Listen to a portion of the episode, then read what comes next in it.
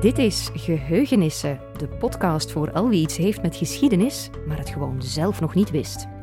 Ik ben Julie van Bogaert en ik maak deze podcast voor de vakgroep Geschiedenis van de Universiteit Gent. We gaan met geheugenissen eens op bezoek bij de buren van die vakgroep Geschiedenis, bij de archeologen. Buren in figuurlijke zin, want archeologie en geschiedenis zijn twee nauw verwante wetenschappen, maar ook buren in letterlijke zin, want aan de UGent zijn de archeologen op de verdieping onder de historici gehuisvest.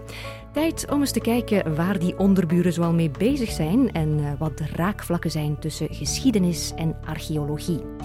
Ik kon me daarvoor geen betere aanleiding inbeelden dan de Archeologiedagen, een jaarlijks lang weekend van 9 tot 11 oktober dit jaar. Een uh, kans voor jong en oud om op tal van locaties in Vlaanderen te proeven van archeologie. Kijk maar eens op archeologiedagen.be. Daar vind je ook een flink aantal activiteiten die er niet zouden zijn geweest zonder het onderzoek van de archeologen van de Universiteit Gent. In het bijzonder dat van uh, dokter Birger Stichelbout en dokter Wouter Geile. Oude potscherven aan elkaar kleven is uh, niet meteen hun dada. Misschien kunnen ze dat ook, maar zij zijn vooral bezig met conflictarcheologie. Archeologie van de Eerste en Tweede Wereldoorlog. Professor Bruno de Wever leek me de geknipte historicus om er ook bij te halen. Hij is gespecialiseerd in de Tweede Wereldoorlog. Twee archeologen, één historicus en mezelf. Zo doen we dat in aflevering 19 van Geheugenissen.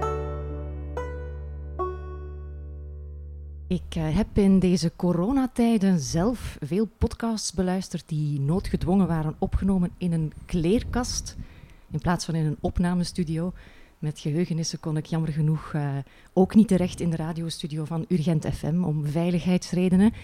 Maar mijn kleerkast is toch net iets te klein om met drie praatgasten een podcast op te nemen. Dan maar een vergaderlokaal van de UGent, met vast tapijt. Hopelijk volstaat dat om het akoestisch een beetje aanvaardbaar te doen klinken. Drie praatgasten had ik gezegd, op veilige afstand, dankzij de microfoons en kabels die ik van Urgent FM te leen heb gekregen. Twee archeologen, Birger Stichelbout en Wouter Geile.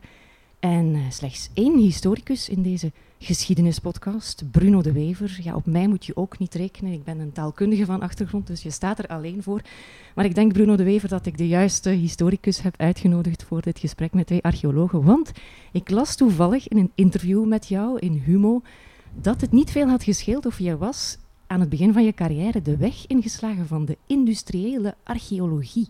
Ja, ja, dat klopt. Dat klopt. Um, het allereerste thesisgesprek uh, dat ik voerde met mijn toenmalige promotor Herman Baltezaar, die dan later nog uh, gouverneur van de provincie Oost-Vlaanderen geworden is, uh, ging over de industriële archeologie. Dat was een vak dat ik gevolgd had in wat toen nog kandidaturen heette. Tegenwoordig zouden we bachelor zeggen, vermoed ik.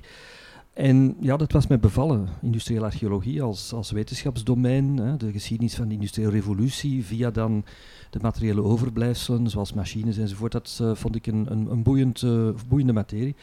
En dus ik uh, voerde een gesprek daarover en we hebben toen ja, zelfs concrete plannen gemaakt voor een scriptie over een bepaald onderwerp. Maar goed, in een tweede instantie uh, is het een hele andere kant uitgegaan. En, ja. en waar ben je nu vooral mee bezig?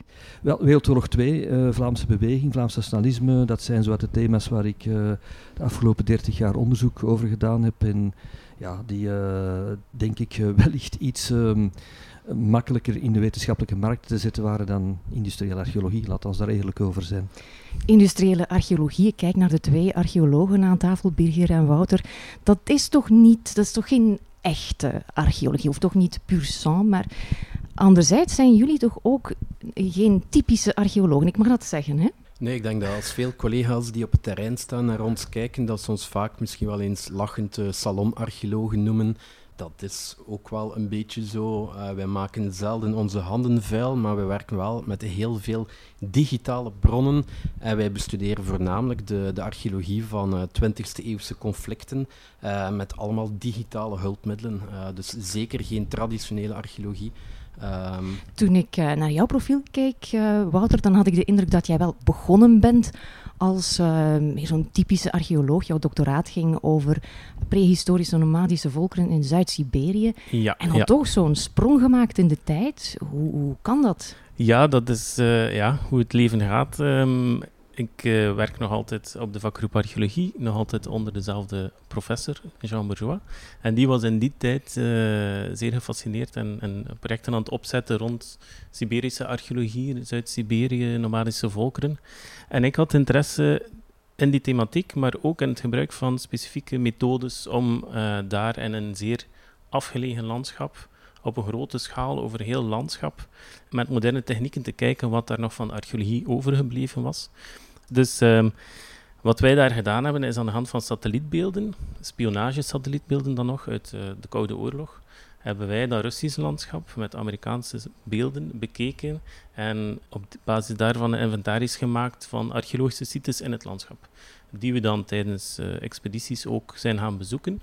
Maar die uh, afstandswaarneming, dat was dus die methodologie van die satellietfoto's, dat was eigenlijk het instappunt en dat was de, de start van mijn doctoraat. Dus die technieken en methodes die laten jou dan eigenlijk toe om eigenlijk vrij flexibel te zijn qua periode en zo'n grote sprong in de tijd te maken naar dan uh, ja. archeologie van de twee wereldoorlogen. Ja, in feite wel. Ja. Dus het, het kijken naar het landschap, uh, sites bekijken in het landschap, hoe gebruikt de mens vroeger alle natuurlijk elementen in dat landschap, dat zijn dingen die we ook op modernere uh, periodes kunnen toepassen. En de technieken die we gebruiken, zoals die, remote sensing, zoals dat heet, afstandswaarneming vanuit de lucht, dat is ook laserscanning, dat is ook luchtfotografie, uh, dat is satellietbeelden, dat zijn allemaal dingen die we eigenlijk in onze conflictarcheologie nu, over moderne conflicten, ook toepassen. Het is mij al duidelijk geworden dat uh, moderne archeologen in de 21ste eeuw meer doen dan met een klein borsteltje skeletten blootleggen. Dat doen ze uiteraard nog altijd. Maar archeologen in de 21ste eeuw die ontwikkelen bijvoorbeeld ook apps, Birger Stichelbout. Ja, ik denk dat, uh, je hebt het net aangehaald, dat dat een heel stereotype beeld is. De archeoloog die met een borsteltje op zijn knieën in het zand een skelet blootlegt. Dat gebeurt inderdaad nog altijd, maar onze realiteit kan er eigenlijk niet verder vandaan staan. We werken eigenlijk dagdagelijks met digitale bronnen, met uh, afstandswaarneming. We werken met luchtfoto's die genomen zijn tijdens de Eerste Wereldoorlog en tijdens de Tweede Wereldoorlog.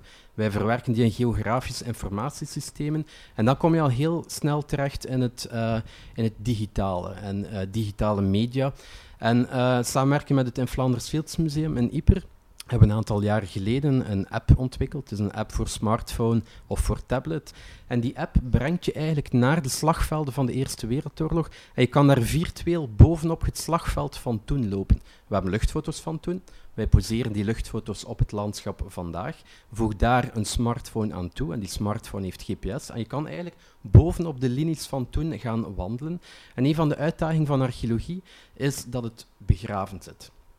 Het zit vaak onder de grond, het is onzichtbaar. En met die nieuwe technologie kunnen we die begravene relicten van de oorlog terug zichtbaar maken, zij het virtueel. Maar je kan dus op de Britse frontlijn gaan lopen. Je ziet met het blauwe bolletje op je smartphone waar je bent. Je kan daar ter plekke het niemandsland doorkruisen. In levende lijven en veiligheid ervaren hoe dicht dat die linies bij elkaar liggen.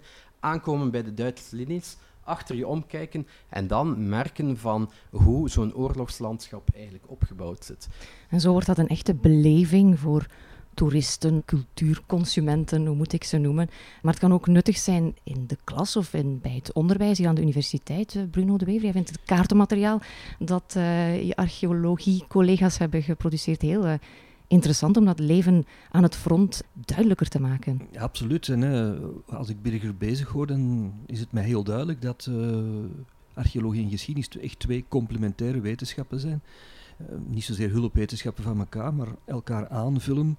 En omdat we natuurlijk allebei geïnteresseerd zijn in, in ja, menselijke activiteit in het verleden. En dan hier in het bijzonder natuurlijk oorlogsvoering, dat zo ingrijpend is.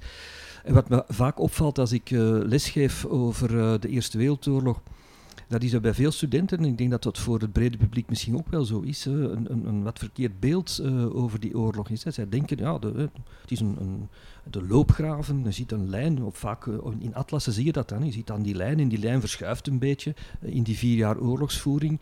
Maar het is natuurlijk geen lijn. Hè. En dat is onder meer de verdienste van het project waar Birger aan gewerkt heeft, om, om duidelijk te maken via die luchtfotografie hoe daar miljoenen uh, legers tegenover elkaar staan. Je moet het u voorstellen niet als een lijn, maar als een, een soort zone van tientallen kilometer, uh, waarin bijna steden uh, bestaan. En waar natuurlijk een, een, een gigantisch sociaal leven ook bestaat. Um, en dat visualiseren voor een breed publiek of voor studenten kun je natuurlijk op een fantastische manier doen met die kaarten die daarover gemaakt zijn, die onder meer tentoongesteld zijn in Vlaanders Fields Museum en op de app zichtbaar zijn. Met een app, met een smartphone of een tablet rondlopen uh, in een landschap, dat is voor veel mensen is dat een, een meerwaarde aan hun uh, beleving van die plek, maar het is niet voor voor iedereen, misschien ook niet voor alle generaties. Maar uh, daar ter plekke met Flanders Fields doen jullie voor elke wat wils en voor elke doelgroep iets. Zo is er ook een project met uh, herdenkingsbomen, Birger voor veel mensen, voor veel toeristen, um, een van de redenen om naar de Iperboog te komen, is dat ze naar die frontlijn van toen willen gaan. Ze willen op die linie staan, ze willen weten waar die lopen in het landschap.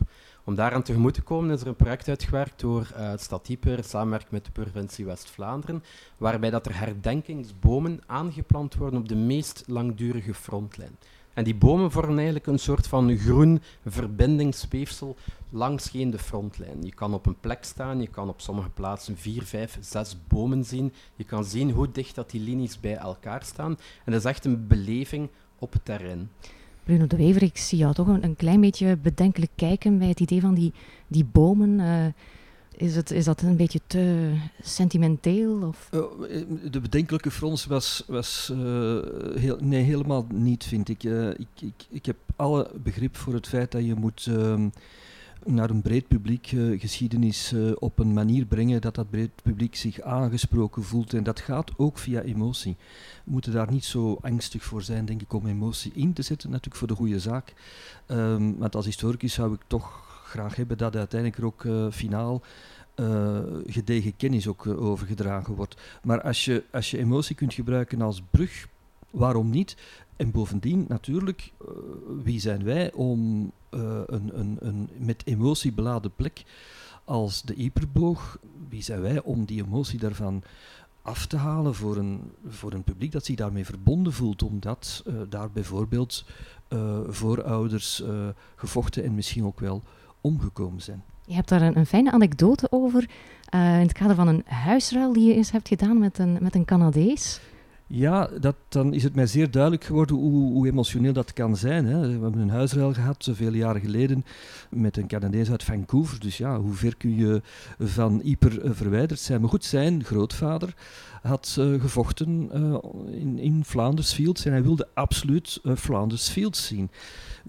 Een, een, een, leuke en intelligente man, maar, maar niet zo um, historisch onderlegd. Dus ik probeerde hem wel uit te leggen uh, dat Flanders Fields eerder een, een, een, een, ruim terrein is en eigenlijk een soort begrip is enzovoort. Maar dat, nee, dat, hij wou werkelijk op Flanders Fields staan, er staan.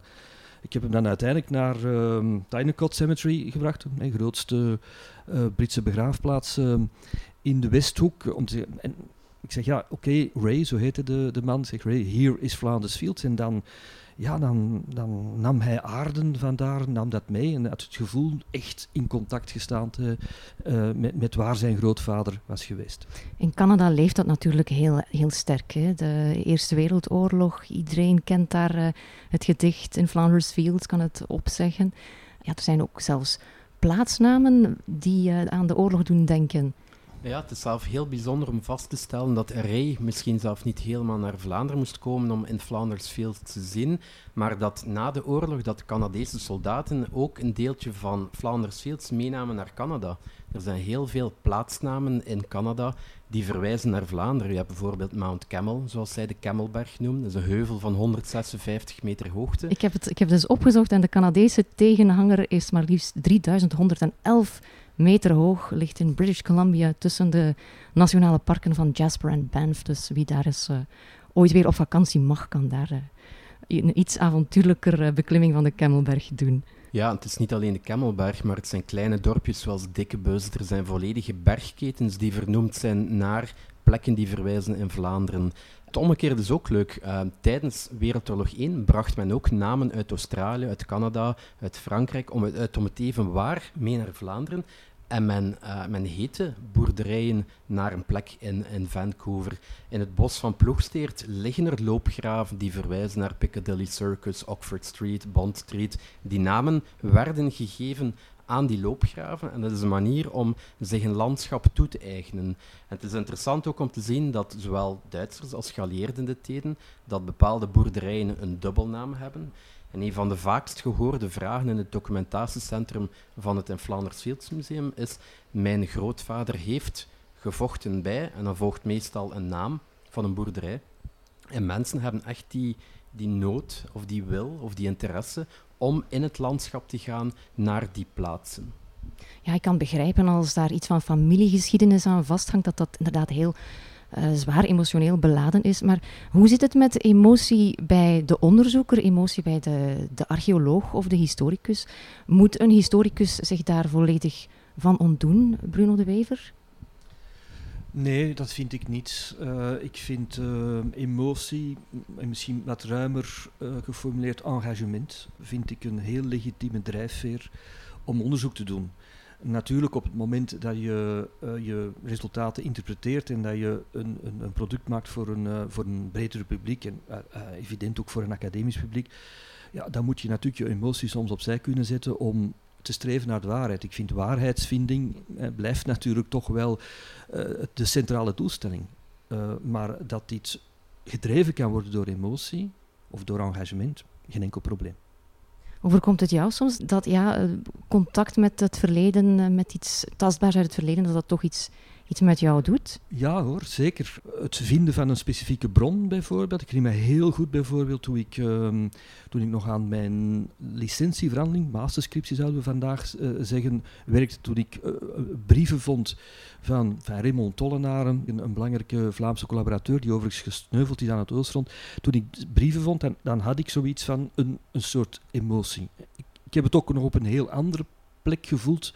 En dan kom ik terug bij uh, mijn collega's archeologen. Opnieuw heeft het met het Oostfront te maken.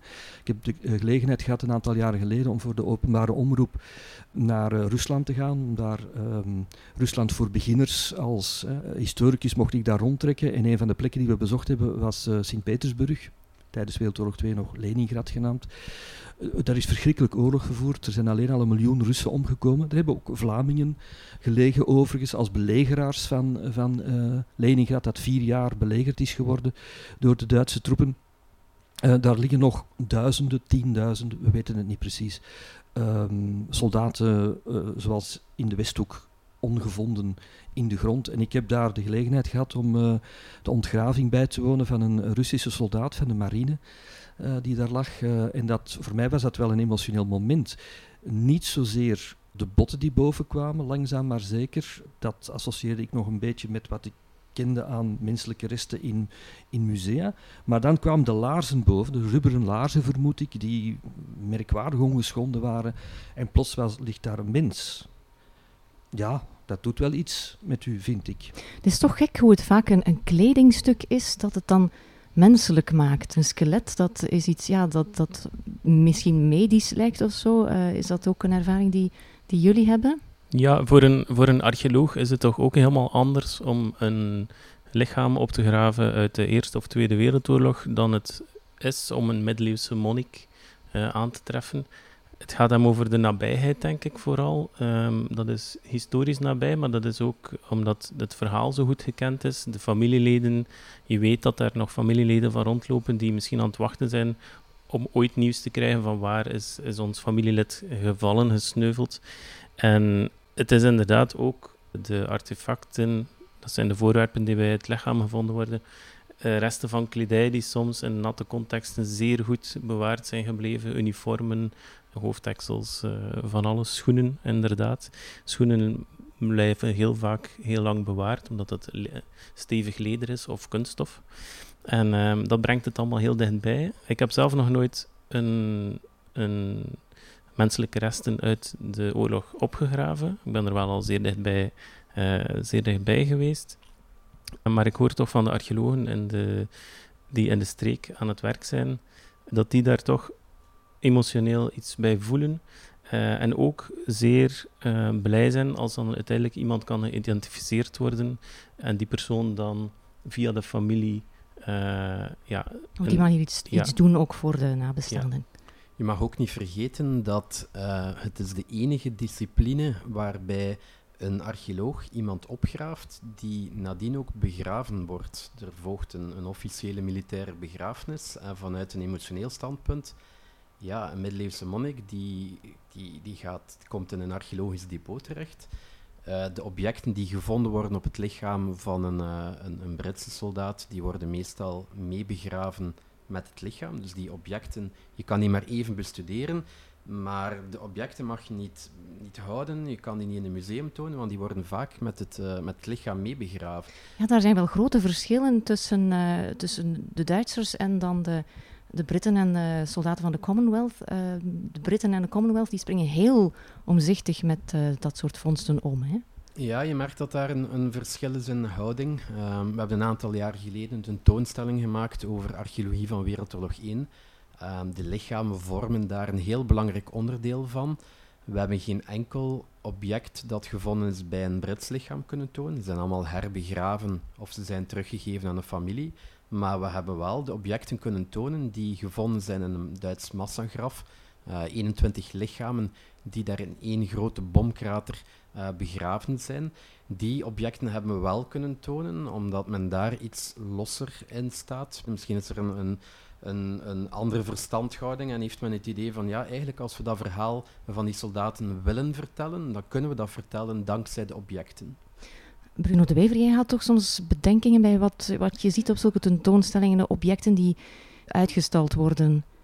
Wel ja, ik heb de tentoonstelling bezocht uh, waar Birger net over sprak. Een heel mooie tentoonstelling trouwens. In Flanders Fields? Ja, ja, in Flanders Fields, over dus de opgravingen. En ik heb dus inderdaad uh, de voorwerpen gezien die uh, bij een, een, Duitse soldaat gevonden werd. Die dacht ik met naam genoemd werd, Birger.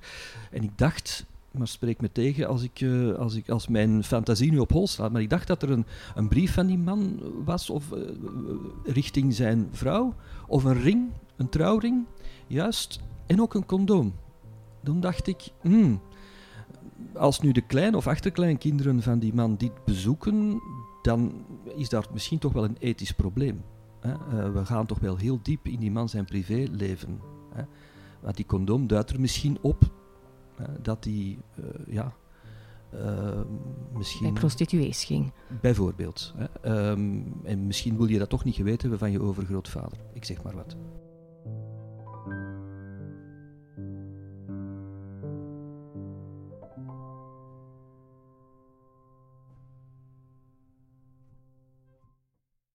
Nu, uh, Wereldoorlog 1, je denkt dan, ja, daarvoor moet ik in West-Vlaanderen zijn. Maar dan blijkt dat je ook in Oost-Vlaanderen, op de Koppenberg, dat je daar loopgraven vindt. Dat moet je me toch eens uitleggen, Wouter. Ja, dat is waar. De meeste mensen denken uh, automatisch alleen aan de Westhoek, aan, aan uh, West-Vlaanderen.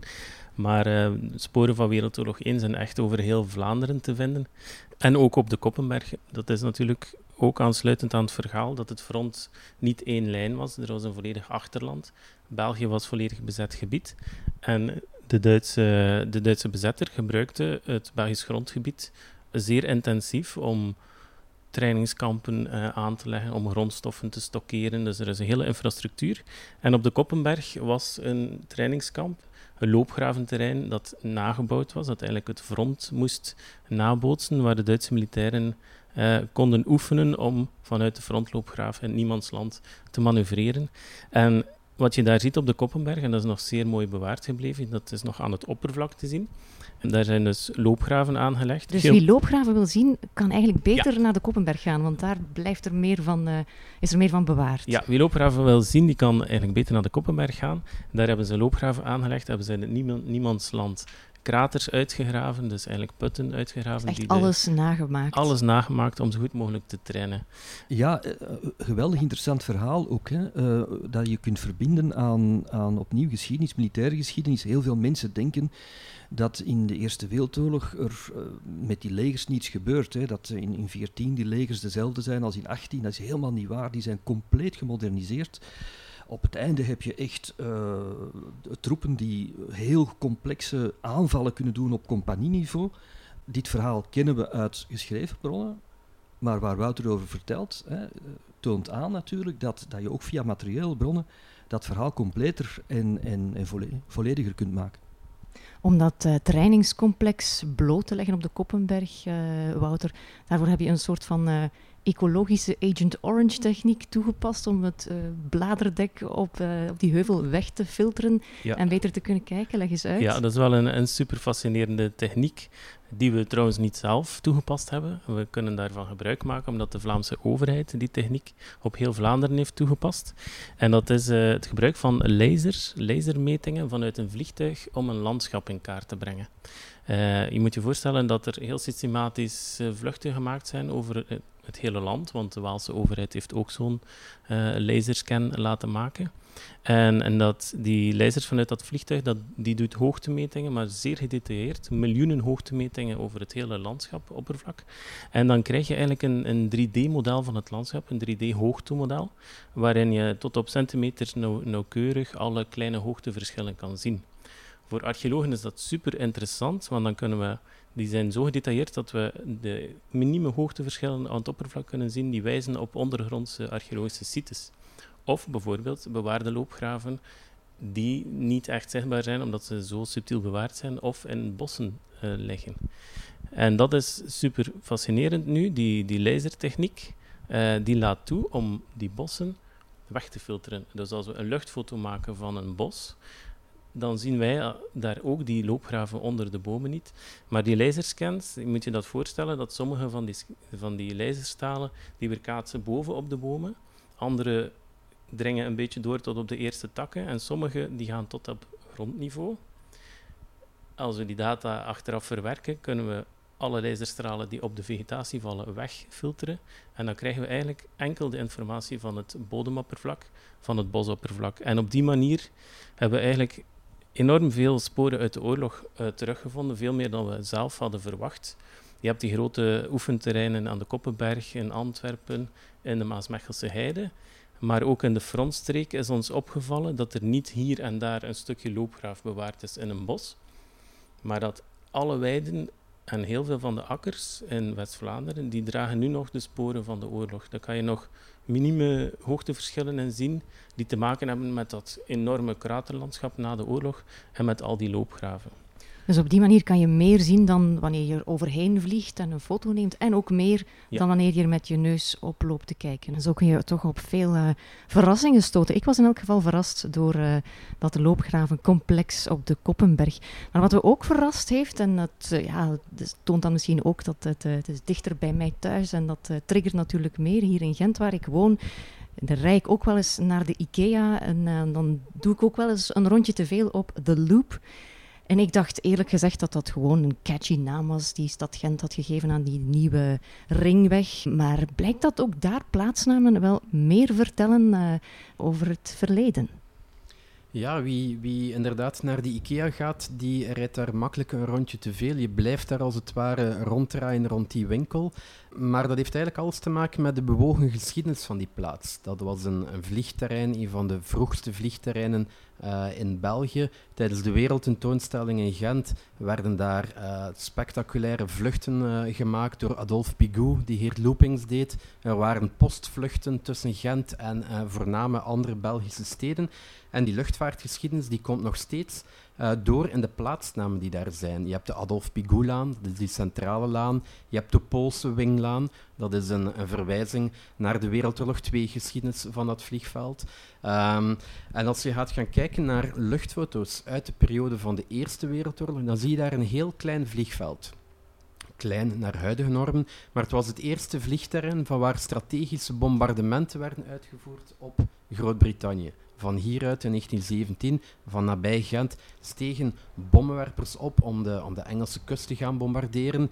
Dat was een Duits vliegveld tijdens Wereldoorlog 1. Tijdens Wereldoorlog 2 werd het eveneens opnieuw in gebruik genomen door de Duitse bezetter. Uh, 1944, september 1944, we hebben de bevrijding. Worden daar plots Poolse uh, eskaders gestationeerd, Britse eenheden. En dan in de jaren 80 is daar een, uh, een, een, vliegclub actief. Dat blijft eigenlijk tot wanneer dat, dat stadsdeel ontwikkeld wordt, wordt dat een vliegterrein. Nu, uh, Birger en Wouter, jullie mogen af en toe ook wel eens mee de lucht in, geloof ik, in zo'n klein vliegtuigje. dat lijkt me dan wel het spannende aan de job. Maar af en toe komen jullie toch ook gewoon in ja, de biotoop van Bruno de Wever terecht, in de archieven. Maar toch zit daar dan ook altijd weer een avontuur in voor jullie. Want zo mochten jullie eens naar een archief, naar het Nationaal Archief van de Verenigde Staten gaan in Washington. En daar bevonden zich tal van foto's van de Belgische kustlijn. Wat zitten die Amerikanen met foto's van onze Belgische kustlijn te doen? Ja, dat archievenonderzoek in Washington dat kadert in, in verschillende projecten waarbij we op zoek gaan naar nieuwe bronnen, nieuwe luchtfoto's uit de Tweede Wereldoorlog. En die, dat Nationaal Archief is daar een enorm rijke bron. We zijn dan ook al een paar keer met, met ons twee daar naartoe gegaan om eigenlijk zoveel mogelijk foto's van België te digitaliseren. En, en op een van die trips uh, kwamen inderdaad, ja, dan moet je je inbeelden. Dat zijn, dat zijn grote uh, tinnen kan cans die in, uh, in het depot bewaard zijn. Je moet die één per één opvragen. En dan mag je die openmaken. Dat is altijd een ontdekking met handschoenen aan. En dan die, uh, die contactafdrukken, die lange rollen van tientallen meters lang en ongeveer 30 centimeter breed. Dus dat moet je als negatief rolletjes zien, maar dan grote dimensie. Die plaatsen we op een, een lichtbak om ze te kunnen bekijken. Dan is het uh, inderdaad draaien aan het wieltje om het hele, uh, de hele film te kunnen bekijken. En jullie zagen daar ineens heel de kustlijn de revue passeren. Opeens zagen we daar de hele kustlijn uh, passeren, ja. Want het is altijd een beetje zoeken en herkennen. Waar, waar, waar zijn die foto's nu precies genomen? Maar dit was zeer duidelijk. We zagen de Nederlandse kust opeens verschijnen op een van die films. Dat was dan nog een van de laatste dagen dat we in het archief bezig waren, de laatste namiddag. Um, en het zijn hele mooie beelden van vlak voor de kust genomen, boven, het, boven de zee, schuin, wat een, beter een zeer herkenbaar perspectief geeft voor, om naar foto's te kijken. Dus niet verticaal, zoals je een kaart bekijkt, maar echt uh, een schuin beeld van de kust. En de Nederlandse kust schoof op en we kwamen aan het Zwin terecht. En van Zwin, Knokke en alle Belgische badsteden zonder een meter te missen tot in Noord-Frankrijk. We zagen onmiddellijk dat dat zeer mooie beelden waren en dat we daar in elk geval iets mee zouden willen doen naar publiek toe. Omdat het, zijn sprekende beelden die de situatie tonen net op het einde van de oorlog, net na de oorlog. Dus de beelden zijn gemaakt op 4 augustus 1945. In de zomer, de eerste zomer zonder zorgen weer, dat de mensen terug naar de kust kunnen gaan. En dat zie je dus ook op de foto's. Je, je hebt een bizarre combinatie van conflictsporen, zoals de Atlantic Wall en bunkers en uh, versperringen in de zee om een mogelijke landing tegen te houden. En dat heb je gecombineerd met toeristen die op de dijk staan, uh, zandkastelen en zo verder. We gaan er eens zo'n foto bij halen. Hè? Ja, hier zien we zo'n voorbeeld van een, een, een, schitterende foto. Het is een, een schuine luchtopname. Het is precies alsof we in een luchtballon enkele honderden meters voor de kust zitten. We kijken schuin naar beneden en we zien daar uh, de stad Oostende. Als we daar echt heel diep op inzoomen, dan kunnen we schade herkennen van bombardementen op de stad. Wat meteen opvalt, is als we naar de dijk, naar de Albert 1 promenade kijken, is dat daar enorme betonnen bunkers op staan. We zien daar uh, uitkijkposten die deel uitmaakten van de Atlantikwal. Dat is een, een, een enorm uitgestrekte fortificatielijn die de Duitsers aangebouwd hebben om, om geallieerde invasies uh, tegen te gaan. En die Atlantikwal die is overal zichtbaar. We zien daar tientallen bunkers. De haven is zeer sterk versterkt. Um, we zien daar de Oostense haven anno 1945. Als we daar zeer sterk op inzoomen, dan zien we daar ook enorme massieve bunkers waarin torpedoboten werden gestationeerd. Je moet dat zien als, als betonnen daken die gestut worden door zware metalen palen, waar dat ja, boten zich konden in verschuilen. En op elk plekje waar je naar kijkt, dan is er wel iets van Wereldoorlog 2 te zien. Dat kan gaan van bunkers tot loopgraven, tot een antitankgracht uh, daaromheen. En die beelden tonen nu ook een stad, een, een heel gedetailleerd beeld op de stad Oostende in 1945. Die, die beelden ja, die zijn echt haarscherp. Je kan heel dicht inzoomen, heel gedetailleerd. Dat zijn beelden die genomen zijn in het kader van uh, de Koude Oorlog die zich begon af te wikkelen tijdens de geheime missie Casey Jones. Men kreeg de opdracht om volledig West-Europa te fotograferen in enkele maanden tijd. Dat is een enorme logistieke operatie. En tijdens die beelden werd volledig België vlakdekkend gefotografeerd. En die reeks van beelden van de kustlijn. Die zijn genomen in augustus 1945. Het is de eerste zomer zonder oorlog. Mensen komen terug naar de kust. En die, die beelden werden waarschijnlijk genomen in het kader van uh, oorlogsschade opmeten, in het kader van Duitse infrastructuur in kaart brengen. En om een beter idee te hebben van de kust, waar men hopelijk niet meer opnieuw een landing zou moeten uitvoeren. Luisteraars van Geheugenissen kunnen alvast op de Facebookpagina van Geheugenissen even kijken naar die uh, luchtfoto van Oostende. Maar ze kunnen natuurlijk ook naar het domein van Raverzijde gaan voor een uh, knappe tentoonstelling daar. Ja, deze beelden, deze unieke reeks, hebben we eigenlijk gebruikt in een tentoonstelling. En die heet de Atlantic Ball en Vogelvlucht. En die is te zien in, in op het uh, provinciaal domein. En die tentoonstelling gaat over archeologie van de Tweede Wereldoorlog. We confronteren daar luchtfoto's met archeologische opgravingen. We tonen wat voorwerpen uit die opgraving. En als ja, kers op de taart hebben we het panorama van de Belgische kust. Dus eigenlijk 75 jaar na datum, 75 meter lang, tegen een oude muur van het uh, Atlantic Wall Museum uh, gemonteerd. En die blijft daar hangen. Dat is gratis toegankelijk ligt langs een druk befietst fietspad. Ook de tentoonstelling is vrij toegankelijk in het natuurpark. Dus allen daarheen zou ik zeggen. Ja, dat klinkt als een uh, leuke activiteit. Nu, uh, al draaiend aan dat wieltje uh, van die lichtbak in Washington was het. Daar zijn jullie ook nog op andere verrassingen gestoten. Iets wat aanleiding kan geven tot heel wat nieuw onderzoek. Onderzoek naar krijgsgevangenenkampen. Een van de teleurstellingen van die foto's die we aanvankelijk hadden, is dat ze genomen zijn in 1945. De oorlog is gedaan. Wij dachten dat heel wat van de militaire infrastructuur ondertussen ontmanteld zou zijn. Dat is ook het geval in een groot deel van uh, België. Maar plots viel ons oog op enorm uitgestrekte kampen. Je moet dat zien als uh, iets wat wij herkennen als een zone van ongeveer uh, nee, 2 kilometer lang bij 600 meter breed. En dat was iets nieuw voor ons. Wij kennen dat niet, zulke uitgestrekte sites.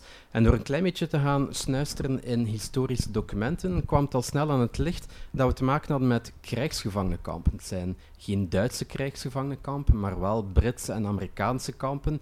Je moet weten dat de slag om de Ardennen woedde in december 1944, januari 1945, werden heel wat krijgsgevangenen genomen en men had infrastructuur nodig om honderdduizenden krijgsgevangenen op te sluiten, tijdelijk op te sluiten in uh, België. En op die luchtfoto's uit 1945 zien we eigenlijk die infrastructuur. Je moet dat zien als een, een heel uitgestrekte zone met prikkeldraad eromheen. Als je inzoomt, dan zie je allemaal vakjes. Het is één uitgestrekt kamp. Dat kamp is onderverdeeld in verschillende compartimenten of compounds. En in elk van die vakjes werden een bepaald soort van soldaten opgesloten. In sommige zijn het vrouwelijke luchtwaffenofficieren, in andere zullen het dan landtroepen zijn. En wat de luchtfoto's ons tonen, is eigenlijk de volledige structuur, de organisatie van zo'n Brits krijgsgevangenenkamp. Elk van die puntjes dat je ziet, dat is eigenlijk een tent. En in elke tent zit een, een, een aantal uh, gedetineerden. En als je kijkt naar de hoeveelheid puntjes op die luchtfoto, ja, dan besef je al vrij snel dat de levens van tienduizenden mensen elkaar gekruist zijn in zo'n krijgsgevangenenkamp. En vanuit archeologisch perspectief zijn wij geïnteresseerd in wat de rest daar vandaag nog van? Blijft er überhaupt nog iets over van die kampen? Zit dat aan het oppervlakte? Is dat begraven? En als we daar in meer detail ooit opgravingen zouden op doen, wat, wat kunnen die opgravingen ons vertellen over het persoonlijke leven in zo'n kamp? Bruno de Wever, is dat iets waar we vanuit historische bronnen al veel over weten, uh, krijgsgevangenenkampen? Nee, dat is een van die bladzijden die we nog moeten schrijven. Hè. Kampen zijn natuurlijk misschien wel het meest typische uh, aspect van, van de geschiedenis van Wereldoorlog 2. Europa lag bezaaid met kampen. Uh, niet alleen de heel bekende concentratiekampen, maar ook dwangarbeiderskampen, krijgsgevangenenkampen. En dat houdt natuurlijk niet op met de nederlaag van uh, van Nazi-Duitsland. Want natuurlijk, ja, tal van, die, van uh, Duitse militairen en collaborateurs enzovoort moeten ook in kampen opnieuw opgesloten worden. Um, dus nee, dat is een geschiedenis die moet geschreven worden. Fascinerend ook, want als we daarnet de foto zagen van de Belgische kustlijn, dan moeten we ons realiseren dat natuurlijk uh, daar maar mensen op het strand kunnen doordat die stranden inmiddels ontmijnd zijn. Het moet gebeuren. Dat gebeurde onder meer door Duitse krijgsgevangenen, die massaal zijn ingezet om de stranden, maar ook elders in België te ontmijnen. Dus ik denk dat daar nog echt heel veel, heel veel werk te doen is.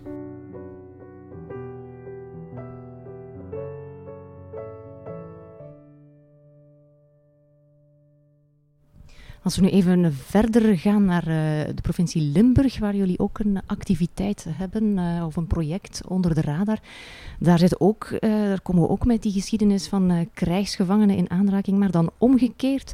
Sovjet-krijgsgevangenen die dus daar te werk werden gesteld in de mijnen door de Duitsers. Ja, absoluut. Hè. Dus uh, krijgsgevangenen, zeker Russische krijgsgevangenen, werden uh, ingezet als dwangarbeiders. Uh, mijnactiviteiten, steenkool was natuurlijk een strategische grondstof. En men zet alles op alles om die Limburgse mijnen te exploiteren met inzet van vele, vele duizenden Russische krijgsgevangenen. Sommige van die krijgsgevangenen ontsnapten natuurlijk, gingen vaak ook wel contact zoeken met plaatselijke verzet organisaties. En dat brengt ons bij die ja, toch wel eh, nog niet helemaal geschreven geschiedenis van het verzet in Limburg, waar we medio 43 plots een explosie krijgen van geweld. Het is een van de meest gewelddadige plekken uh, in Vlaanderen. In het stille, vredige Limburg. In het stille, vredige Limburg uh, worden ja, honderden mensen vermoord aan beide kanten. Vraag is, heeft dat iets te maken met die aanwezigheid van Russische krijgsgevangenen. Um, daar is wel wat onderzoek over gebeurd. Um, dat heeft een rol gespeeld, maar nee, het, het geweld um, spruit voort uit de Limburgse bevolking zelf. Maar heel dat samenspel natuurlijk ja, moet, moet beter in kaart gebracht worden.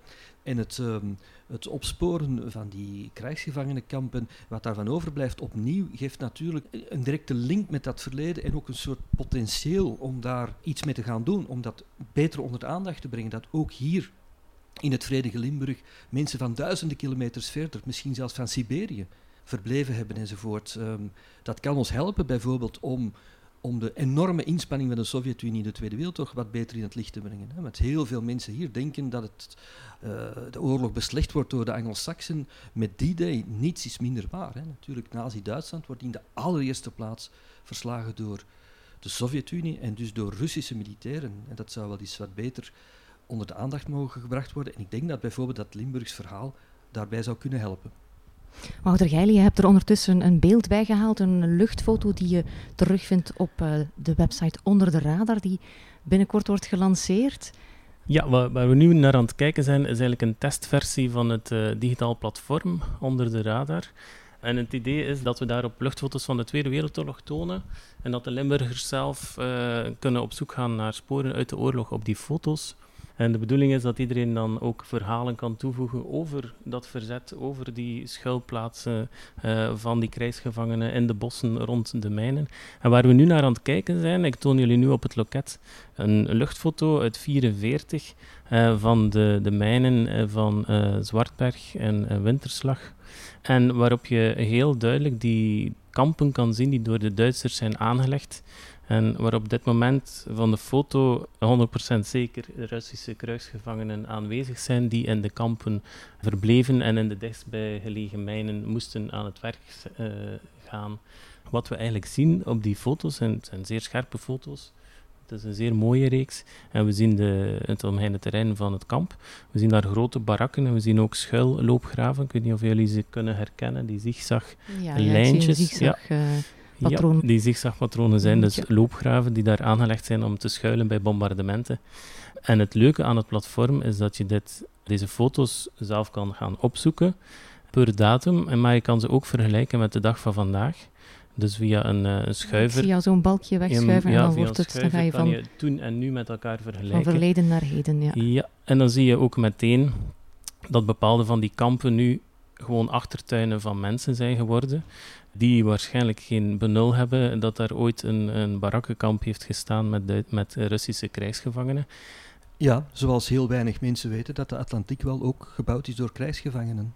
Onder meer door Joodse krijgsgevangenen uit België, die daar ook in kampen uh, gezeten hebben natuurlijk. Hè. Dus daar zijn veel dingen die nog uh, onder de aandacht van een breed publiek moeten gebracht worden. Ja, nog heel veel uh, verhalen die verteld moeten worden, heel veel onderzoek dat moet worden gedaan. Ja. ja, dus Limburgers kunnen zelf aanvullen, kunnen zelf ja. verhalen dan toevoegen aan dat platform. En waarschijnlijk zijn dat er wel heel veel, want jullie zijn daar zelf ook al eens de boer opgegaan en hebben al de vreemdste ontdekkingen gedaan in achtertuinen en in huizen daar uh, in Limburg. Ja, wat, wat eigenlijk opvalt is als je met mensen op het terrein gaat aan de hand van deze beelden, en dat is niet alleen in Limburg, is dat de mensen totaal niet beseffen wat er allemaal nog bewaard is gebleven.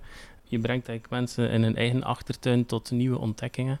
Bijvoorbeeld hier, uh, een van die barakken die we nu zien, uh, die staat er nog steeds. Niet de barak, maar een klein bijgebouwtje. Dat was eigenlijk een oorspronkelijk gebouw van de mijn zelf in het krijgsgevangenkamp heeft dat een heel aparte functie gekregen. Het was een soort sanitaire blok, want er was water eh, voorradig. Het werd ook gebruikt om bakstenen te wassen, want die krijgsgevangenkampen moesten ook zelf bakstenen maken om die kampen te maken en de mijngebouwen en zo. Dus het is een hele infrastructuur. Maar de dag van vandaag uh, woont daar iemand en dat, dat tuinhuis, uh, bakstenen gebouwtje, wordt nu gebruikt om, ja, een beetje een raar verhaal, de mijnlampen te stockeren van de toneelgroep die die mijnwerkers toneelgroep die mijnlampen nog gebruikt. En, en, uh, Om dan de dag mijnwerker vandaag, te spelen ja, in een En dat is het opslaghuisje voor die attributen van, de, van, de, van die club. En dus die persoon die heeft daar een, een huis gekocht en die denkt, ja, er staat zo'n typische Vlaamse koterij achter in mijn, uh, in mijn tuin en die beseft niet dat daar eigenlijk... Uh, de geschiedenis aankleeft. Ja, soms beseffen de mensen dat inderdaad niet. Ja. ja, ja. Het gaat heel ver, hè, want je bent ook een, een huis tegengekomen waar binnen een bunker geïntegreerd was als wijnkelder. Ja, ja, wijnkelders zijn we al verschillende keren tegengekomen. Want die, die bunkers die zijn natuurlijk massief, die zijn half ingegraven, soms helemaal nog bedolven. En die hebben een, een zeer uh, geschikt klimaat om dingen te bewaren. Wijn, bloembollen hebben we ook al uh, gezien, uh, rond het Antwerpse dan. En een heel specifiek geval was inderdaad iemand die een perceel had gekocht en daar een vrijstaande woning wou op plaatsen. Maar de architect was nogal creatief geweest. Op het, in het midden van dat perceel stond een massieve Duitse bunker. Dat afbreken is geen uh, klein werkje. Dus die was daar creatief mee omgesprongen en die had die bunker ingebouwd in het huis. Eigenaardig genoeg met een andere oriëntatie, dus in de binnenmuren van het huis en helemaal schuin geplaatst op de buitenmuren. En er is een bizar klein deurtje in de gang, waar je eigenlijk door de bunker naar binnen gaat en in de kelder terechtkomt. De bunker is eigenlijk de kelder centraal in het huis. Zo iemand zou toch eigenlijk zijn huis moeten openstellen voor publiek op Open Monumentendag? Dat zou fijn zijn, ja. Dat, dat zou inderdaad wel mooie verhalen opleveren. Ik kijk al uit naar alle verhalen die nog via het platform onder de radar naar boven gaan komen, uh, daar in Limburg. Ja, dat is eigenlijk een indruk, de indruk die het meeste, ja, wat ik, wat ik meeneem uit dit gesprek, is dat er nog zoveel onontgonnen terrein, letterlijk en figuurlijk is, zowel voor de historicus als voor de archeoloog en plaatsen waar, waar jullie elkaar kunnen vinden en aanvullen. Bruno, wat prikkelt zo het meeste jouw, uh, jouw goesting als historicus om, om verder te onderzoeken? Ja, maar die, die krijgsgevangenenkampen, dat prikkelt mij zeker. Hè. Zowel tijdens als, uh, als na de Tweede Wereldoorlog lijkt mij echt wel een, een heel mooi project te zijn, waar inderdaad uh, historici en archeologen kunnen samenwerken. En natuurlijk ook musea. En dan denk ik bijvoorbeeld aan het War Heritage Institute, wat een verzameling is toch van belangrijke musea, met als paradepaardje natuurlijk het Koninklijk Legermuseum in Brussel. Uh, ja, dat is een, een, federale instelling die als taak heeft, denk ik, uh, dit soort van patrimonium te bestuderen, te ontsluiten voor een breed publiek. Dus ik denk dat daar in de toekomst een, een heel mooie samenwerking denkbaar is. Ja, ik hoop het en ik hoop dat deze podcast misschien ook heeft uh, bijgedragen tot nieuwe samenwerkingen en tot interesse van uh, luisteraars voor archeologie en geschiedenis. Heel erg bedankt, Bruno de Wever, uh, Wouter Geile en Birger Stichelpout voor dit fijne gesprek. De archeologiedagen vinden dit jaar plaats op 9, 10 en 11 oktober op diverse locaties in Vlaanderen. In Oostende kun je in het domein van Raverszijde de tentoonstelling De Atlantikwal in vogelvlucht gaan bekijken met die haarscherpe luchtfoto's uit het Amerikaanse archief. Op zaterdag 10 oktober kun je zelfs een gidsbeurt meevolgen, geleid door Wouter Geile en Birger Stichelbout zelf. In Eename kun je meer te weten komen over dat oefenterrein van de Duitsers op de Koppenberg en over de luchtvaartgeschiedenis van de Loop in Gent. En dan is er op 9 oktober de lancering van het platform Onder de Radar. Dat moest een groot evenement worden, maar dat is vervangen door een reeks lezingen en workshops over heel Limburg. Wil je graag reageren op deze aflevering? Altijd leuk om van jou te horen. Stuur een berichtje via Facebook of laat daar een reactie achter. Een goede review in je podcast-app is ook altijd welkom. En gewoon vrienden en familie vertellen over geheugenissen. Dat helpt ook om de podcast bekender te maken. Fotomateriaal bij deze aflevering vind je trouwens op de Facebookpagina van Geheugenissen. Abonneer je alvast op Geheugenissen, zodat je de volgende afleveringen niet mist. In oktober doet het GUM eindelijk zijn deuren open, het Gens Universitair Museum. Dat was uitgesteld om bekende redenen. Ik ga in het GUM twee afleveringen van Geheugenissen opnemen. Eentje over de grens tussen wetenschap en astrologie, die veel poreuzer is dan je denkt. En eh, dan ook nog een soort van Indiana Jones verhaal over een Belgische ontdekkingsreiziger die op zoek ging naar de bron van de Nijl. Ik heb er alvast veel zin in, hopelijk jij ook.